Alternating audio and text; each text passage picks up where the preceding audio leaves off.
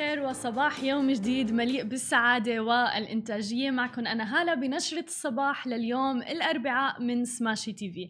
اليوم بنشرة الصباح رح نغطي أسعار النفط وآخر مستجداتها بالإضافة إلى ذلك عن تسريح عدد من الموظفين في آه، هيلتون وآخر story رح تكون معنا أيضا عن ابنة جورج فلويد وقصتها مع الممثلة باربرا. خلونا نبدأ بأول خبر معنا لليوم حيث قالت سلسلة فنادق هيلتون أنها ستخفض قوتها العاملة الأساسية بحوالي 22% أو حوالي تقريبا 2100 وظيفة. طبعا كل هذا بسبب أزمة فيروس كورونا اللي ألحقت ضرر شديد وكبير جدا بقطاع السفر العالمي. وقررت الشركة أيضا تمديد الإجازات الغير مدفوعة الأجر وأيضا خفض ساعات العمل وتخفيضات الرواتب للعاملين الأساسيين لما يصل إلى ثلاثة أشهر إضافية.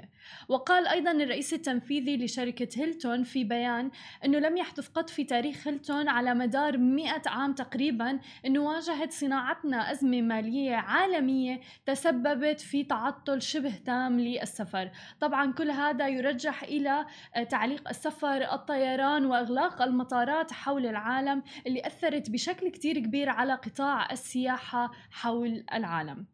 وإلى قطاع النفط حيث قفزت أسعار النفط حوالي 4% خلال تعاملات يوم أمس الثلاثاء 16 يونيو بعد أن رفعت وكالة الطاقة الدولية توقعاتها للطلب في 2020 وبدعم أيضا من تخفيضات قياسية لإمدادات الخام وأيضا ارتفع خام برنت 1.62 دولار أي ما يعادل 4 تقريبا في المئة إلى 41 دولار للبرميل الواحد وزاد الخام الأمريكي 1. 4.67 دولار أي حوالي 4.5% لا يسجل تقريبا 38 دولار للبرميل الواحد. وبتقرير الشهري توقعت أيضا وكالة الطاقة الدولية أن يصل الطلب على النفط إلى 91.7 مليون آه، برميل يوميا في عام 2020 وهذه الزيادة ستكون تقريبا 500 ألف برميل يوميا عن تقديراتها السابقة في مايو أيار. مشيرة أيضا إلى استهلاك أعلى من المتوقع خلال إجراءات العزل العام بسبب تفشي فيروس كورونا. ولكن الوكالة أيضا أضافت أن التراجع في قطاع الطيران بسبب المخاوف من فيروس كورونا يعني أن العالم لن يعود إلى مستويات الطلب السابقة على الجائحة قبل عام 2022 وقالت الوكالة أيضا أن إمدادات النفط في مايو أيار انخفضت بنحو 12 مليون برميل يوميا بعد أن قلصت أوبك بلس آه الإنتاج بمقدور كان حوالي 9.4 مليون برميل يوميا. وأضافت أيضا أن هذا يعني أن أوبك بلس امتثلت بنسبة 89% من التخفيضات اللي اتفقوا عليها في مايو أيار. واتفقت أيضا أوبك بلس هذا الشهر على تمديد تخفيضات الإنتاج بحوالي حوالي 9.7 مليون برميل يوميا حتى يوليو تموز أي الشهر القادم. كما دعت أيضا الأعضاء الذين لم يلتزموا بحصصهم بموجب الاتفاق إلى تخفيضات إضافية لاحقا. وقرر العراق تحديدا الذي كان أحد أقل المنتجين الرئيسيين امتثالا للاتفاق خفض كبير لإمدادات الخام إلى آسيا في يوليو تموز الشهر المقبل. وعلى الرغم من احتمال انخفاض المعروض فقد أثرت على السوق مخاوف كبيرة بشأن موجة ثانية من عمليات الإغلاق بسبب ارتفاع معدلات الإصابة بفيروس كورونا.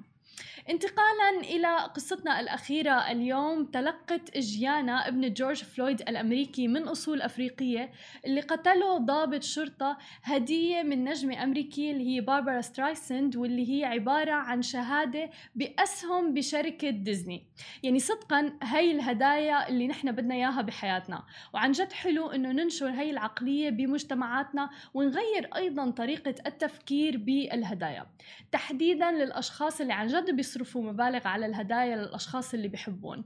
فبدال ما الواحد يشتري هدايا بأمور مادية مثلا مثل الماركات العالمية ممكن إنه تشتري سهم لشخص بتحبه. يعني مثلا سهم ديزني الآن بمعدل 118 دولار يعني حوالي 430 درهم. وشوفوا قد انبسطت الطفلة جيانا بهذا الخبر وهي الهدية حيث نشرت صورة إلى وهي بتحمل بفخر شهادة الأسهم عبر حسابها على الإنستغرام. ولكن طبعا لم يكشف البوست عن عدد الأسهم اللي اشترتها النجمة باربرا البالغة من العمر 78 عام لصالح جيانا. ولكن أهدت الطفلة إلى جانب الأسهم اثنين من ألبوماتها My Name is Barbara وأيضا Color Me Barbara.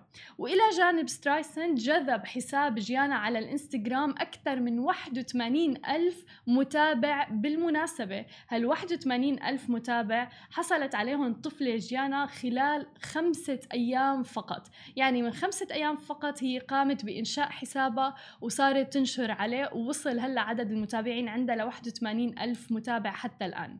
وتلقت أيضا الكثير من الدعم والحب من شخصيات بارزة مثل ميشيل أوباما أوبرا وينفري وأيضا كايني ويست اللي قام بتأمين حياتها الجامعية كاملة التكاليف. وعلما أيضا إنه من بين الخطوات الدعم اللي تلقتها الطفله الصغيره وأمها صفحة أيضا جمعت تبرعات عبر موقع مي واللي تجاوزت حدود المليوني دولار أمريكي. كما أعلن أيضا في وقت سابق من هذا الشهر مجلس الحكام في جامعة تكساس الجنوبية تقديم منحة كاملة لجيانا إذا رغبت مستقبلا بالالتحاق بالجامعة. ومثل ما قلنا تبرع مغني الراب الأمريكي كاني ويست بمبلغ مليوني دولار لدعم ثلاثة من عائلات فقدت أبنائها في حوادث قتل عنصرية والفرق القانونية. ومثل ما قلنا من بينتهم عائلة جورج فلويد والطفلة تكلف بحياتها الجامعية كاملة. هاي كانت كل أخبارنا الصباحية لليوم. ما تنسوا تتابعونا على كل مواقع التواصل الاجتماعي الخاصة بسماشي TV. تسمعوا البودكاست تبعنا وتنزلوا ال application. نهاركم سعيد.